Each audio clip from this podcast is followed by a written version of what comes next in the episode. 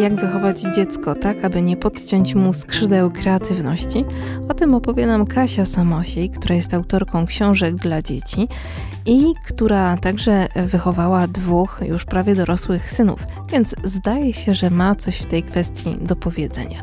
Wspieranie kreatywności to bardzo ważna sprawa, zwłaszcza jeżeli chcemy wychować zadowolone dziecko, które nie będzie miało wewnętrznego krytyka, który będzie blokował e, wszystkie możliwe działania w późniejszym życiu zawodowym.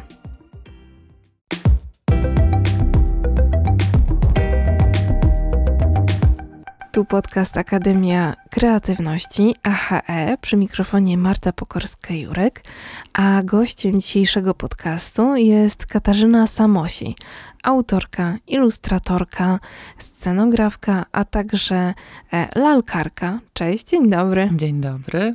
No właśnie, czy jeszcze czymś się zajmujesz, a czegoś nie, nie wymieniłam? Mm, prowadzę warsztaty dla a, dużych i małych. Właśnie, to będzie bardzo istotny aspekt, ponieważ będziemy rozmawiać o tym, co zrobić, żeby wychować dziecko kreatywne, a może bardziej, żeby nie stępić tej kreatywności, bo chyba dzieci to tak z natury są e, kreatywne, prawda? Myślę, że tak. I jeśli chodzi o kreatywność, to podobnie jak w medycynie, po pierwsze nie szkodzić. No właśnie. No właśnie, bo dzieci rodzą się jako bardzo spontaniczne istoty. I myślę, że od początku wyposażone są w jakąś bazę swoich talentów, y, mają określone predyspozycje, które same odkryją w procesie swojego rozwoju, jeśli tylko dorośli im w tym nie przeszkodzą i nie będą próbowali ich nagiąć do swoich oczekiwań. Mhm. System edukacji w tym nie pomaga. System edukacji całkowicie w tym nie pomaga. Nie jestem jego fanką. No, wszyscy wiemy, jak wygląda w tej chwili edukacja. Testy, równanie do średniego poziomu, a to zupełnie mija się z celem, jeśli chodzi o kreatywność. Mhm, też się mija, y, mija z celem y, właśnie pisanie pod klucz, czy właśnie mhm. interpretację zgodnie właśnie z tym, y, jak hmm, interpretator z, z urzędu postanowił, że będzie, powinien być odczytywany dany wiersz. Także no to, to są już takie rzeczy systemowe, których nie pokonamy, ale ponieważ ty jesteś niezwykle twórczą osobą, bez takich, zdaje się, blokad twórczych, to chciałam cię zapytać na początek, jaka była twoja droga właśnie od tego dzieciństwa, że ty w sobie tej kreatywności nie zdusiłaś? Chociaż być może miałaś jakieś e, kryzysy. Mm, ja bardzo lubiłam rysować, malować od dziecka i bardzo kochałam książki. Tych książek było u nas w domu zawsze bardzo dużo.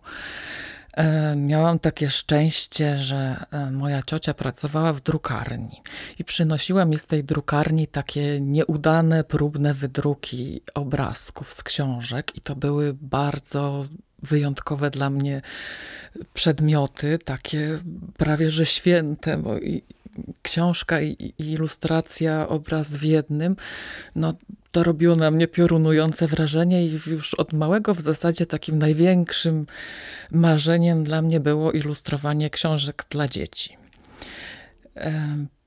No wiadomo, w szkole jak to w szkole. Różne kółka plastyczne, różne zajęcia dodatkowe. Zawsze mi to sprawiało przyjemność, więc dużo wolnego czasu na to poświęcałam. I pewnego roku zdarzyło się tak, że lato było deszczowe. Nie bardzo było co ze sobą zrobić, bo były to zamierzchłe czasu bez internetu, bez komputerów, bez telewizji. E, więc e, natrafiłam na ogłoszenie o konkursie plastycznym i na ten konkurs wykonałam pracę. Wysłałam Zapomniałam. Po jakimś czasie przyszła, przyszedł do domu list, taki pisany na maszynie z pieczątką Towarzystwa Opieki nad Zabytkami, które było organizatorem tego konkursu. I akurat ja wyciągnęłam go ze skrzynki i byłam przerażona. Wydawało mi się, że to jest skarga na to, że ja wysłałam tak paskudną pracę na konkurs i teraz ktoś tutaj zgłasza pretensje. Okazało się, że jest całkiem inaczej. Było to zaproszenie na plener plastyczny dla dzieci. E, to było przed siódmą klasą szkoły podstawowej, więc w takim dobrym momencie, bo to jest taki moment, kiedy dzieciaki już trochę bardziej na serio zaczynają traktować to, co robią. No i tutaj zaczęła się moja wielka przygoda, e, ponieważ na te plenery jeździłam już do końca, do, kiedy było to możliwe, do 18 roku życia, a nawet jeszcze dłużej, bo potem jeździłam już jako instruktorka. To było niesamowite, ponieważ w czasach e, no, takich mocno zasadniczych końca ubiegłego tysiąclecia e, to były taki czas, e, te plenery wakacyjne, kiedy byliśmy traktowani bardzo podmiotowo, co nie było powszechne to były czas, kiedy by, czuliśmy się wolni.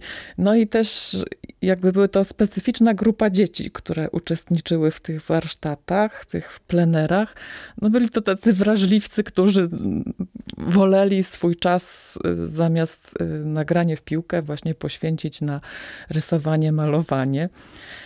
I miało to też wielki wpływ na nasze myślenie, na naszą psychikę, na nasz dalszy rozwój, ponieważ mogliśmy przekonać się, że wszystko jest z nami w porządku, że to, co lubimy robić, jest przez kogoś doceniane, szanowane i że ktoś uważa, że powinniśmy się tym zająć na poważnie wspiera nas w tych mm, i motywuje do dalszej pracy. Mhm. E, to brzmi e, fascynujące i aż zadziwiająco. No właśnie, dlaczego takie wątpliwości pojawiają się u dziecka? Po pierwsze, czy ja przystaję do otoczenia, mhm. czy to, co robię, to faktycznie może być coś cennego i może e, okazać się moim talentem? Ja myślę, że to jest niestety zasługa tego nieszczęsnego systemu edukacji, w którym są z góry założone prawidłowe odpowiedzi na różne pytania i wytyczone ścieżki, którymi należy przejść, żeby dojść do określonych celów, co jest zupełnie sprzeczne właśnie z ideą kreatywności, bo kreatywność to jest tworzenie czegoś nowego, niepowtarzanie tego, co już było. Więc jeśli chcemy spełniać też szkolne standardy, jeśli chcemy rozwiązywać prawidłowo testy, to musimy się pogodzić z tym, że ze swojej kreatywności rezygnujemy. A jeśli e, chcemy być kreatywni, no to właśnie czekają nas wątpliwości, chwile zwątpienia, ponieważ nie wszędzie i nie zawsze spotka się z to z miłym przyjęciem. Mhm. Takie e, nieraz niemiłe przyjęcie może być także u nas, e, u nas w domu rodzinnym. Wyczytałam, jakie są takie blokery kreatywności wśród dzieci Mm, no to przede wszystkim nie sprzyja kreatywności e, niekorzystna sytuacja w domu, perfekcjonizm rodziców e, mhm. oraz karcenie za niestereotypowe zachowanie. No, no, to brzmi jak karanie artystów przede wszystkim, tak. którzy nie muszą być właśnie tymi perfekcjonistami. Nawet powinni nie być, prawda? No, no to ich różni od na przykład rzemieślników. Mhm. Mhm. Kiedy ty tak opowiadasz, to wydaje mi się, że ty miałaś e, raczej wsparcie e, w na rodzinie. Pewno miałam wsparcie w rodzinie. Nikt e, nigdy nie zabraniał mi pójścia swoją drogą. Cały czas miałam właśnie wsparcie. Byłam zasypywana różnymi możliwościami. Także z tej strony było super mhm. i życzę takich możliwości każdemu. Natomiast wiem, że to bywa różnie, ponieważ już nawet w czasie prowadzenia warsztatów z dziećmi zdarzyły mi się takie sytuacje kuriozalne, że mama wyrywała kredkę z ręki dziecka i mówi: O, tak się tego nie rysuje, daj ja ci poprawię. I tutaj no, hmm, o kreatywności myślę, że długo nie będzie można mówić. Mhm. To jeszcze jakie zachowania e, blokują dzieci, tak z Twoich obserwacji, albo nie wiem, jak, jak dzieciaki oceniają swoje predyspozycje? Ja myślę, że przede wszystkim blokujące są oczekiwania otoczenia i dorosłych. Czasami to już też są oczekiwania dzieci samych wobec siebie, no to się pojawia na pewnym etapie rozwoju, kiedy już z tej spontanicznej twórczości y, chcemy powoli rezygnować i stać się realistami, żeby to, co robimy, wyglądało tak jak naprawdę. No i wtedy mamy chwilę y, kryzysów, no ale one są bardziej uzasadnione i jakby zrozumiałe. Natomiast no, ocenianie, oczekiwania pokładane w dzieciakach przez dorosłych na pewno im nie pomagają. A szczególnie jeśli są to całkowicie oderwane od tego, od sztuki, od kreatywności, oczekiwania. Jeśli ktoś przedstawia swoje dzieci jako przyszłych prawników i lekarzy, a oni marzą o tym, żeby mhm. tańczyć lub rysować, no to będzie problem. Czyli tak, nie blokować, nie oczekiwać zbyt wiele, nie poprawiać, mm, no ale też czy powinniśmy tak chwalić bezkrytycznie, czy jednak jakaś krytyka jest istotna, no żebyśmy też nie wychowali narcyza. Hmm. Ja myślę, że y, krytyka nie pomaga. Mhm.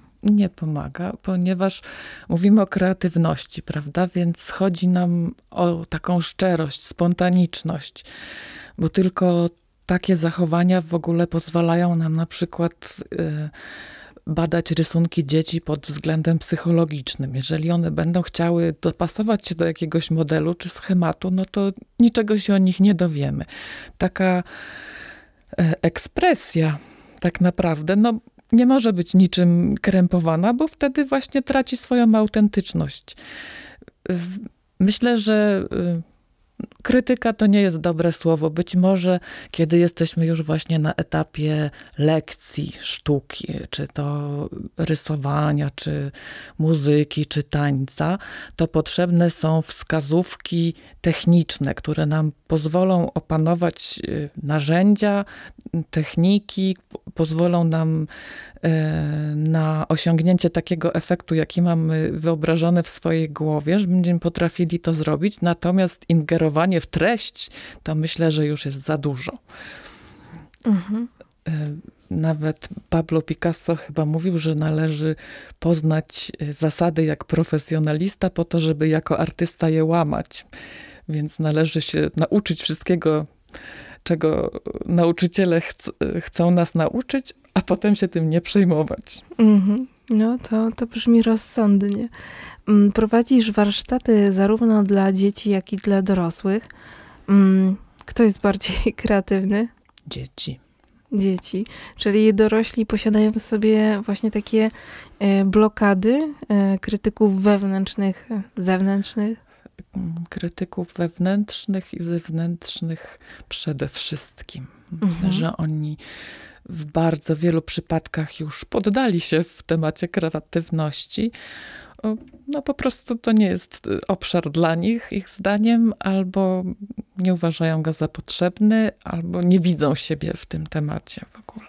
Mhm. No ale są tacy, pojawiają się na Twoich warsztatach. I e, czego się uczą? E, czy, czy to jest właśnie technika rysunku? Czy to jest bardziej mm, technika sposób odczytywania swoich własnych pragnień, emocji? Może wyrażania mhm. emocji i samego siebie tak naprawdę, ponieważ żyjemy w takim świecie, gdzie są nam narzucane, przydzielane pewne role i funkcje i bardzo długo, czasami do samego końca nie wiemy tak naprawdę, kim jesteśmy. I sztuka to jest taki obszar całkowitej wolności. Tak powinno moim zdaniem być, gdzie właśnie nikt nas nie ocenia, nie krytykuje, nie wtrąca się w to, co robimy. I sami patrząc na to, co się dzieje w naszej głowie w czasie tworzenia i na to, co spod naszych rąk wychodzi, możemy lepiej samego siebie poznawać. Mhm.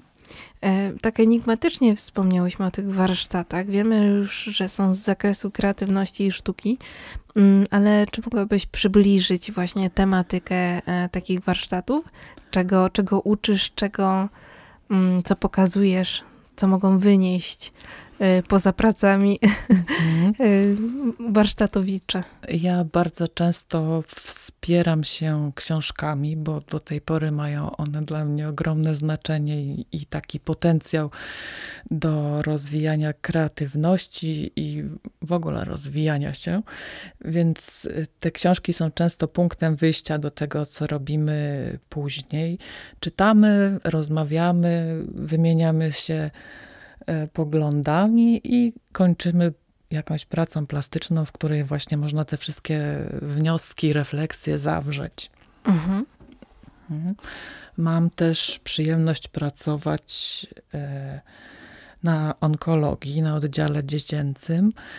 E, przyjemność, chociaż może brzmi to kontrowersyjnie, ale jednak nawet w szpitalu i nawet chore dzieci to jednak są dzieci i tam ta przyjemność polega na tym, że czuję, że jest, to, co robimy, jest im potrzebne. I tam z kolei, no to nasze działania mają taki bardziej terapeutyczny wymiar. No jak wszyscy wiemy, szpital to nie jest miejsce, gdzie można czuć się wolnym. Tam raczej każdy pacjent jest przedmiotem leczenia. Taka jest konieczność, prawda? Szczególnie jak jest się dzieckiem, to ani się nie decyduje o tym, co się z nami dzieje, ani nie ma na to większego wpływu, po prostu coś jest z nami robione.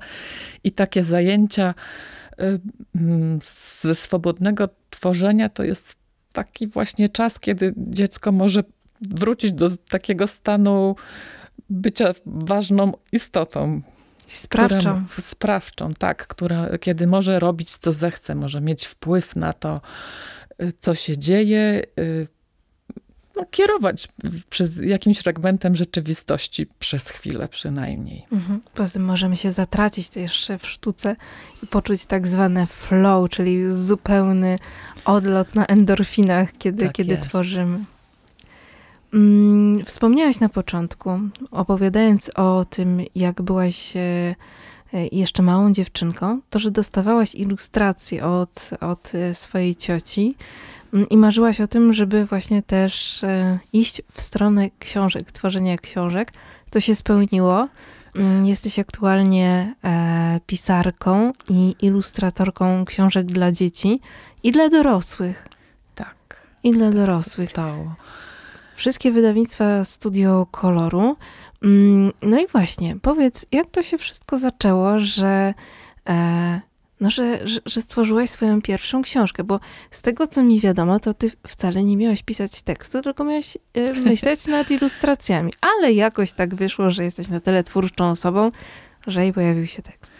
No właśnie, to trochę jakoś tak wyszło. Zaspoilerowałam. jakoś tak wyszło, ponieważ rzeczywiście no ja zawsze myślałam o sobie o jak, jako o ewentualnej ilustratorce i pewnego dnia pojawiła się propozycja ze strony Studia Koloru e, stworzenia ilustracji do książki o cukrze.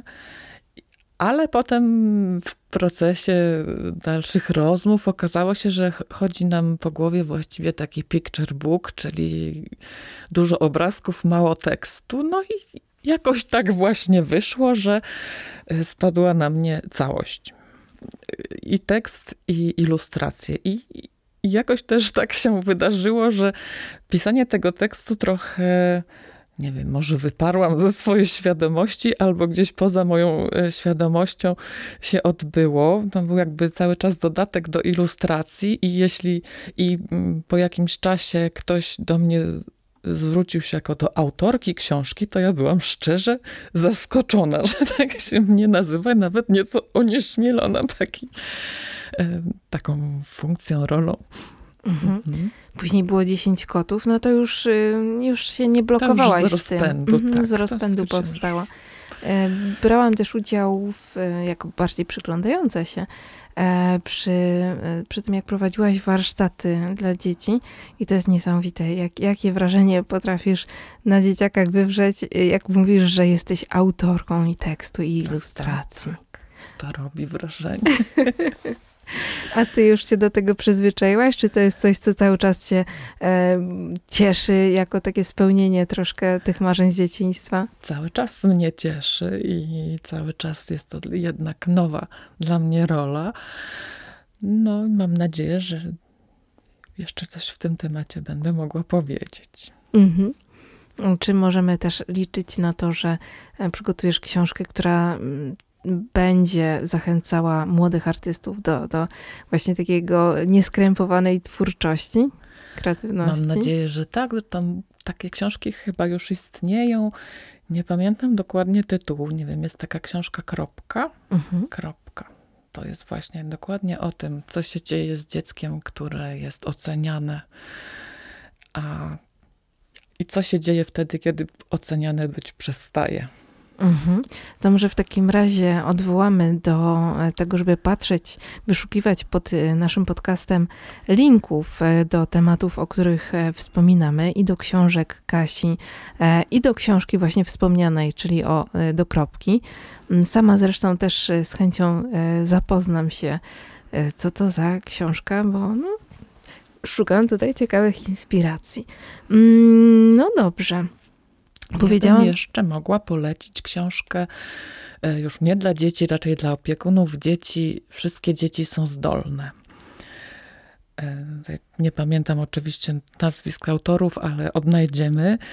E, tam jest bardzo dużo takich działających na wyobraźnię porównań. Na przykład jest napisane o tym, że powinniśmy traktować wszystkie dzieci jak pisklęta orłów, a my mamy tendencję do hodowania ich jak kurczaki w szkołach czy w przedszkolach, prawda? Mhm. A każdy z, każdy z nich ma potencjał, żeby osiągnąć wysoki poziom lotów, jeśli tylko mu się to umożliwi.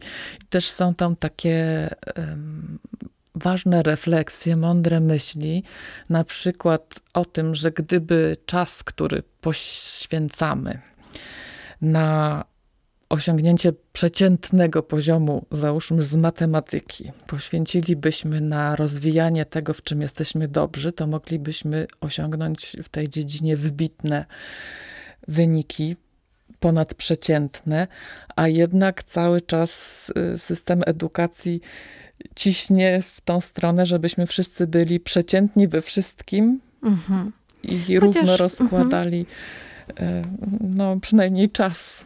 Chociaż wydaje mi się, że to się już też zmienia, że tam ta, taka mentalność, e, żebyśmy we wszystkim trochę no, byli podobni, e, zmienia się. I, zmienia się widzę powoli. to po, po młodszych, e, młodszych czy, czy rodzicach, czy, czy po prostu po, po młodzieży, że już są bardziej wspierani w tym, w czym są dobrzy.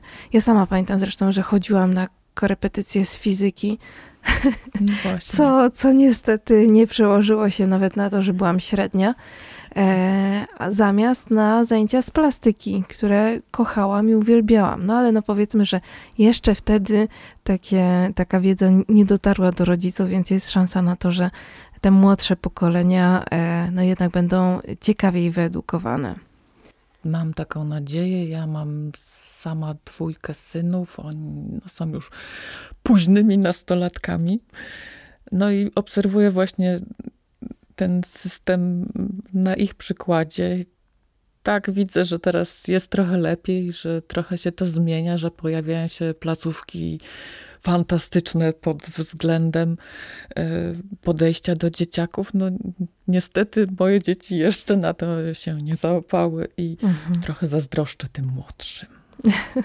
No, miejmy nadzieję, że będzie lepiej. Myślę, że też e, tworzenie e, takich książek, które, które ty e, tworzysz, powoduje, że zyskujemy nową perspektywę. Mm, no i po prostu wzbogacamy się, pokazujemy e, sobie, a później dzieciom, że inne, inne zachowania są możliwe. Też moja ukochana książka 10 kotów, którą ty napisałaś, że wszystkie emocje są ważne, potrzebne, nie ma, nie ma tych złych, nie ma świata czarno-białego. Zresztą do tej książki e, odsyłam, bardzo, bardzo, bardzo, bardzo ją lubię. Mm, no i miejmy nadzieję, że właśnie książki są w stanie e, zmienić świat. Dlatego tym bardziej zachęcamy do tego, żeby czytać więcej niż pół książki rocznie, jak zdaje się, że czyta przeciętny Polak. Ja zapraszam do czytania i moich, i wszystkich innych cudownych książek na świecie, ponieważ dla mnie to jest podstawowe narzędzie do rozwoju i własnego, i tego, żeby wspierać w rozwoju innych. No jakoś takie najbardziej poręczne. Najbardziej poręczne, lepsze od telefonu, także zachęcam do tego, do tego, żeby właśnie porzucić smartfony na rzecz E, na rzecz książek. Mm, no dobrze, pięknie Ci dziękuję, Kasiu. E, dziękuję, dziękuję. Ci za opowieść o tym, jak, jak wspierać dzieci, jak Ty byłaś e, wspierana i jak czułaś się no, zaopiekowana pod tym kątem kreatywności. To, to daje nam taki dobry przykład rodzicielstwa. Dziękuję i czekam na kolejne, kolejne książki, na kolejne rozmowy. Bardzo dziękuję. Gościem dziękuję. była Kasia Samosiej, autorka, artystka, scenografka, e, no i kobieta wielu, wielu, wielu talentów. dziękuję pięknie.